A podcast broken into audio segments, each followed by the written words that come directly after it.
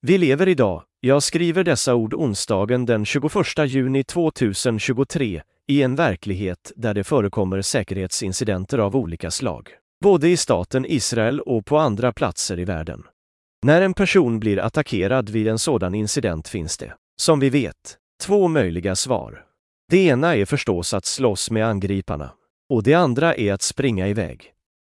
Men när det gäller en funktionshindrad person som hamnar i en sådan situation, väldigt ofta är ingen av dessa två reaktioner möjliga. Och därmed skapas en dödsfälla. Och vad mer är? För många funktionshindrade tillåter inte den fysiska funktionsnedsättningen den som lider av funktionsnedsättningen att hålla ett vapen för självförsvar. Av dessa skäl kan det finnas utrymme för ett öppet övervägande av skyddsåtgärder som den funktionshindrade personen skulle kunna användas i en sådan situation.